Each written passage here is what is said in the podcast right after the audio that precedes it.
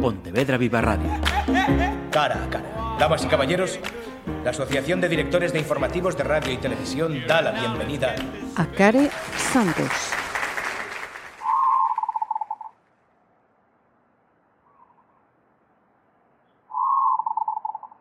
Una ola de frío se acerca a Nueva York.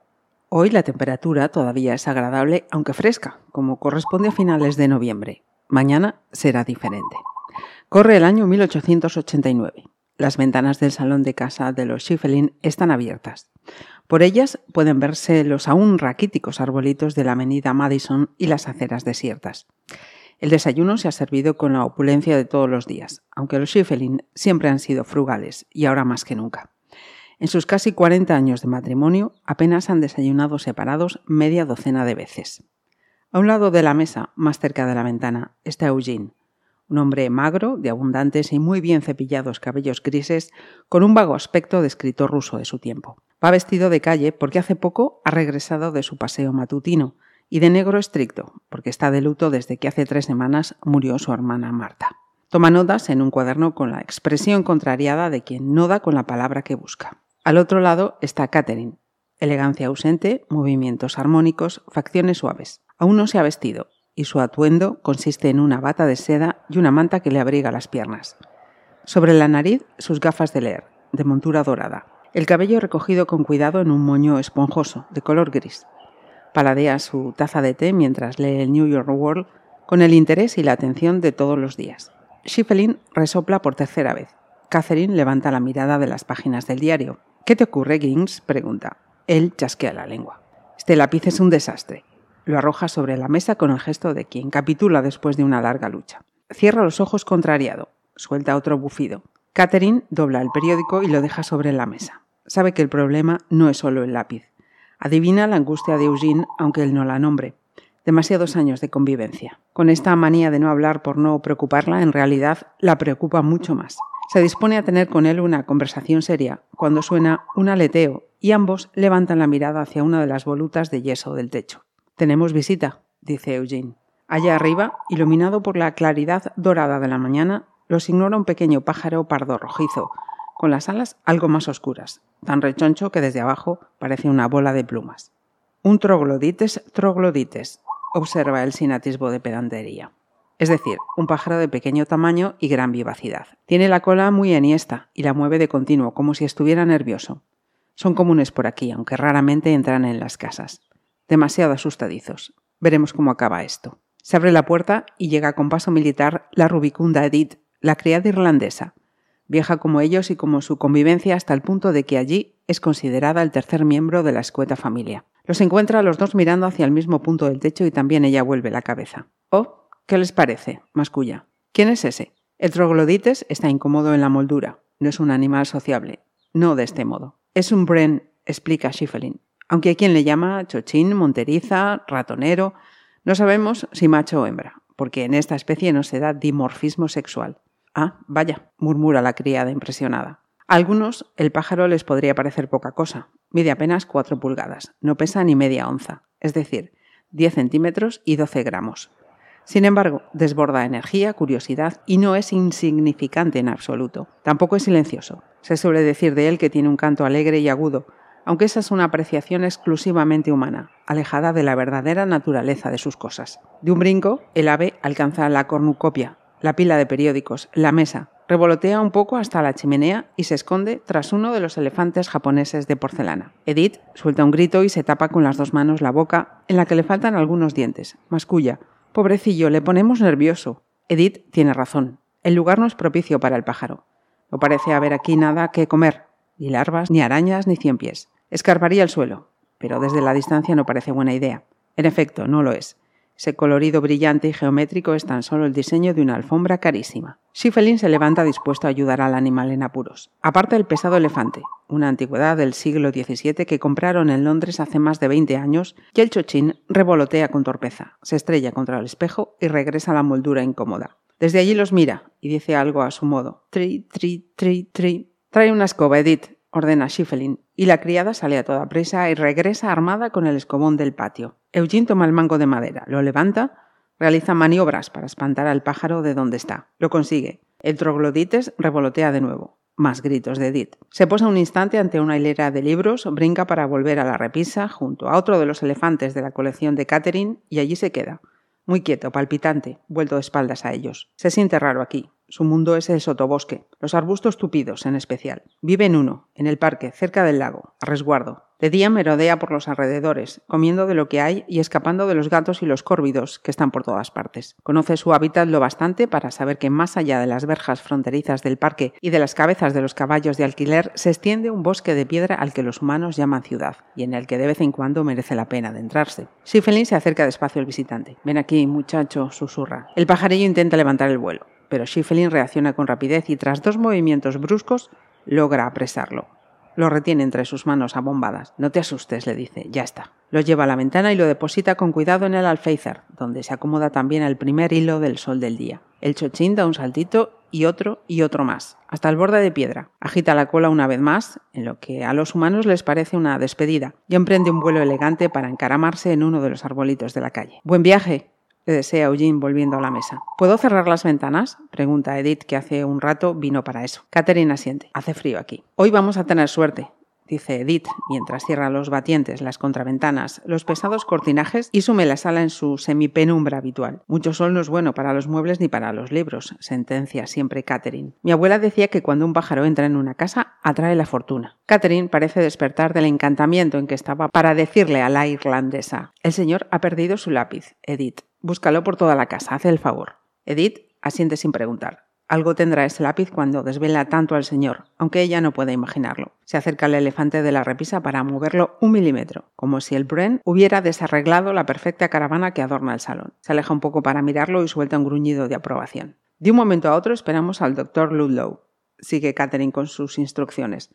Ocúpate de que todo esté preparado. La criada, con la altanería de un mariscal de campo y la barbilla tan enhiesta como hace un instante la cola del troglodites, replica. Hace rato que lo está, señora.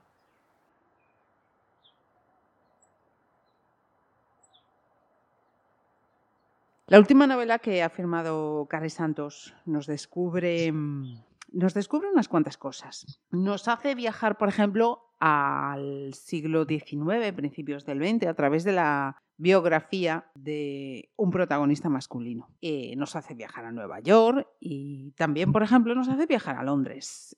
Ese protagonista es Eugene Schiffelin. Le voy a preguntar a esa autora si lo primero lo acabo de pronunciar bien. Karen Santos, bienvenida y gracias por este tiempo, antes que nada. Muchas gracias y gracias a ti. Sí, lo has pronunciado bien, aunque yo creo que, lo has hecho un poco difícil. Schiffelin creo que sería más fácil. Schiffelin, vale. Me lo anoto para el resto de comunicación.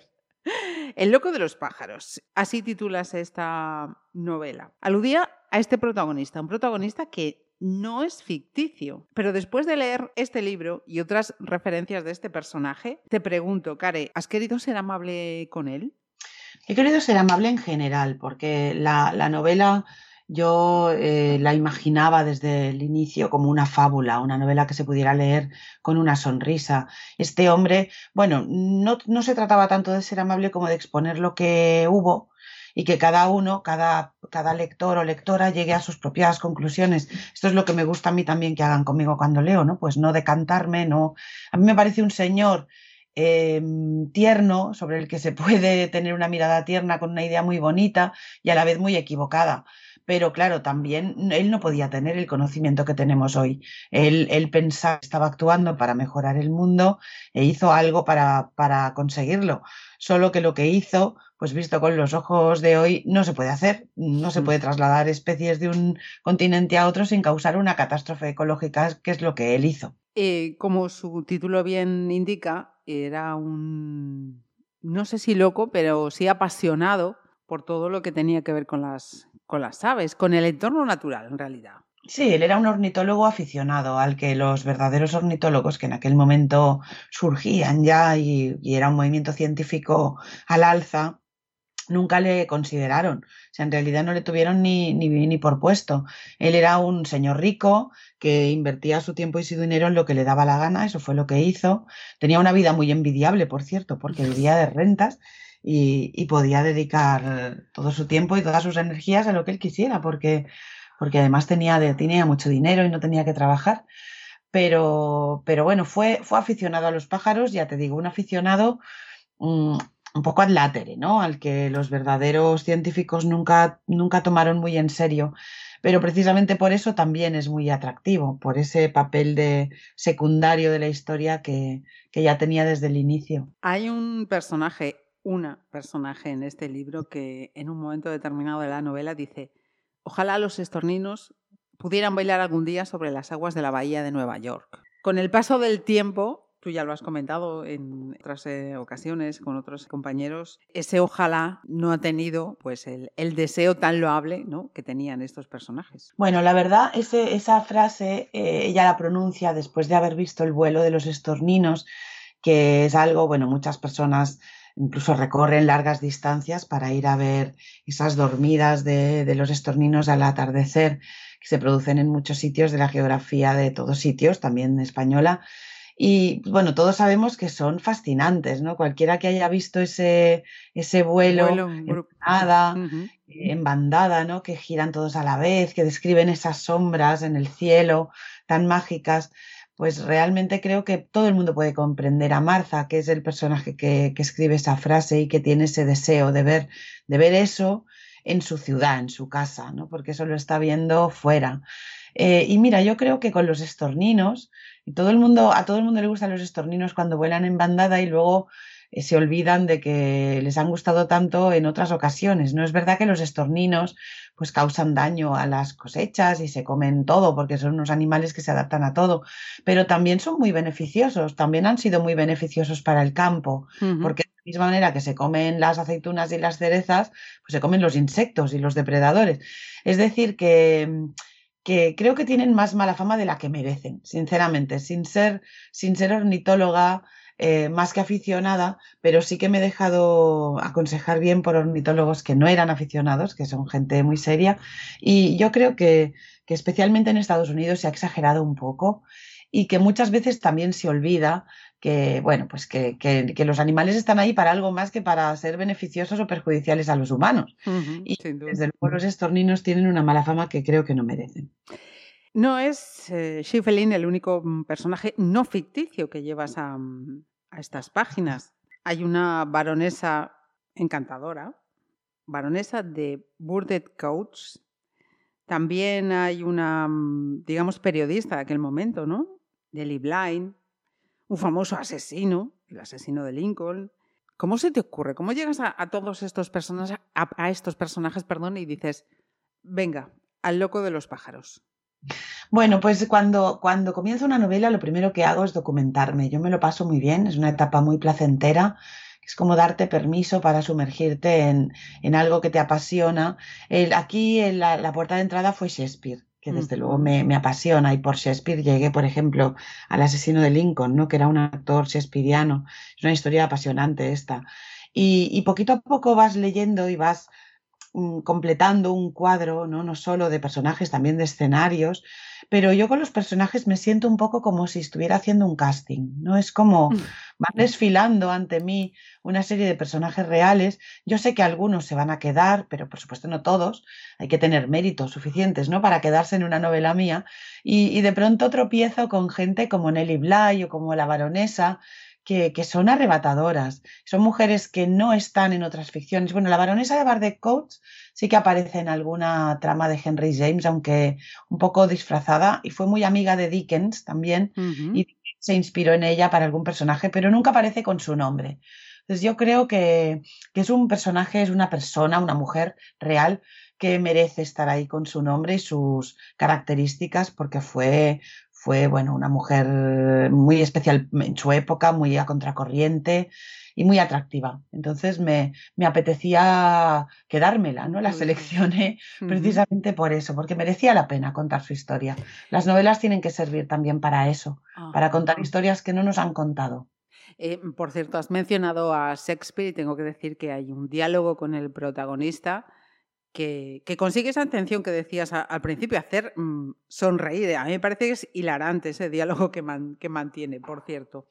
Hablando de esos eh, personajes no ficticios, nosotros estamos en Pontevedra Viva Radio, estamos aquí en esta ciudad y hay un personaje que también se cuela, tengo que mencionarlo sí o sí, al que has cambiado el nombre, es estradense, pasa por ser el inventor de una primigenia calculadora y de una máquina para doblar periódicos. Y dices eh, en estas páginas, un pontevedrés más listo que el hambre. Tú le llamas Ramón Pedraz. Sí, está inspirado. Hubo, hubo, claro, muchos gallegos en aquel momento, en esa Nueva York, muchos de ellos venidos de Cuba, y a mí también me interesaba, de la misma manera que hablé de los catalanes, porque eh, Daniel, uno de mis personajes principales, es hijo de catalanes, pues me parecía que hablar de ese barrio de españoles que se agruparon alrededor de la calle 14 y no hablar de alguno remotamente real o inspirado en un personaje real y no hablar de un gallego, porque hubo muchísima inmigración gallega, pues no, no era ser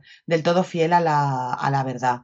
Y por eso está ahí Pedraz, ¿no? que es un poco el representante de todos ellos, medio ficticio, medio real, pero, pero creo que, que feliz representante al final de, de, esa gente que se hizo a sí misma, que, que buscó y rebuscó y, y que puso todo su ingenio a trabajar para salir adelante y lo consiguió, ¿no? Y muchas veces no solo salió adelante, sino que aportó grandes cosas a la historia de su momento. Personajes eh, reales que pueden decir o hacer cosas que no hicieron o dijeron. Algunos sucesos creo que también eh, reales que mm, pueden ser más o menos fidedignos a la realidad, puede ser. Sí, hay, hay casi todo lo que se narra es real y casi todo ha, ha ocurrido. En algunas ocasiones juego un poco con la cronología, porque, porque, bueno, en una novela uno de los mayores dolores de cabeza de su autor o, autora siempre es el tiempo, y a veces el tiempo real no se acaba de corresponder con lo que tú quieres narrar y tienes que hacer pequeñas adaptaciones. Pero en todo caso son pequeñas, son muy pequeñas adaptaciones. Casi todo lo que cuento ocurrió como yo lo cuento y en el momento en que lo cuento. Me equivoco si mm, digo que mm, el loco de los pájaros es una novela en la que nos encontramos quizás a una mm, Cares Santos tanto diferente a la que podemos estar más acostumbrada, ¿no? No te equivocas en absoluto. Es una novela muy distinta a lo último que, que he venido haciendo y yo creo que en general a lo que he hecho a lo largo de mi carrera es una novela que obedece también a un momento muy distinto de todos nosotros. Es una novela que sin la pandemia no hubiera existido. Y creo que, que mm, hay algo subjetivo en eso, ¿no? Hay eh, incluso, incluso de lectura psicológica, pues es una novela en la que todo el mundo viaja mucho, van todos arriba y abajo, cruzan el Atlántico mil veces y la escribí en una época en que no podíamos salir de casa, ¿no? Y, y de alguna manera proyectaba ahí deseos y necesidades que todos teníamos, en el tono también, por supuesto, y seguramente en la elección del tema también. Es una novela que yo no me hubiera podido plantear, no hubiera podido documentar una documentación muy larga y la pude hacer precisamente porque la pandemia nos regaló tiempo. Tiempo, tiempo, ojo, eh, que tiempo todos podemos hacer si nos lo proponemos, pero la pandemia nos regaló tiempo y algo más, tiempo sin remordimientos, que eso para mí fue un regalazo. Y pude dedicarme a esto que en principio había descartado precisamente porque veía que iba a demandarme un tiempo que no tenía y de pronto lo tuve. Y, otra cuestión antes mm, de, terminar. No sé si también has introducido eh, la intención de que haya una moraleja. Al menos, no sé, a mí yo me he quedado con una, ¿no? Que quizás hay sueños con consecuencias quizá algo perjudiciales. Claro, sí, cuidado con lo que sueñas. Yo no, no trabajo nunca con esa intención de dejar una moraleja, pero es verdad que me gustan las historias que dejan un pozo, ¿no? Que, que tienen no solo una lectura, sino diversas. Pues aquí yo creo que hay diversas lecturas. Qué importante es tener un motivo por el que vivir, aunque sea descabellado. Bonito. Este motivo de este hombre es, es bonito, pero es descabellado. Y, y, es una mala idea, es una mala idea preciosa, pero, pero mala, no nos engañemos. Y, por otro lado, eso que tú decías, ¿no? Cuidado, cuidado con el alcance de los sueños, porque lo que hoy parece un sueño precioso, igual dentro de unos pocos años, pues se verá como un desastre que tú habrías podido evitar ya que lo has causado. Pues eh, hay tantas lecturas como, como lectores, eh, sin duda alguna. Y recomendamos en esta ocasión esta novela de Care Santos, El loco de los pájaros. Y Care, muchísimas gracias por este tiempo. Nada, gracias a ti siempre, cuando queráis. Pontevedra Viva Radio. ¿Me permiten que les haga un comentario como espectadores del programa Cara a Cara? Según un reciente sondeo de mercado, ustedes disponen de estudios e inteligencias superiores a la media. Sus intereses abarcan desde la actualidad mundial y la ciencia hasta el deporte y los espectáculos.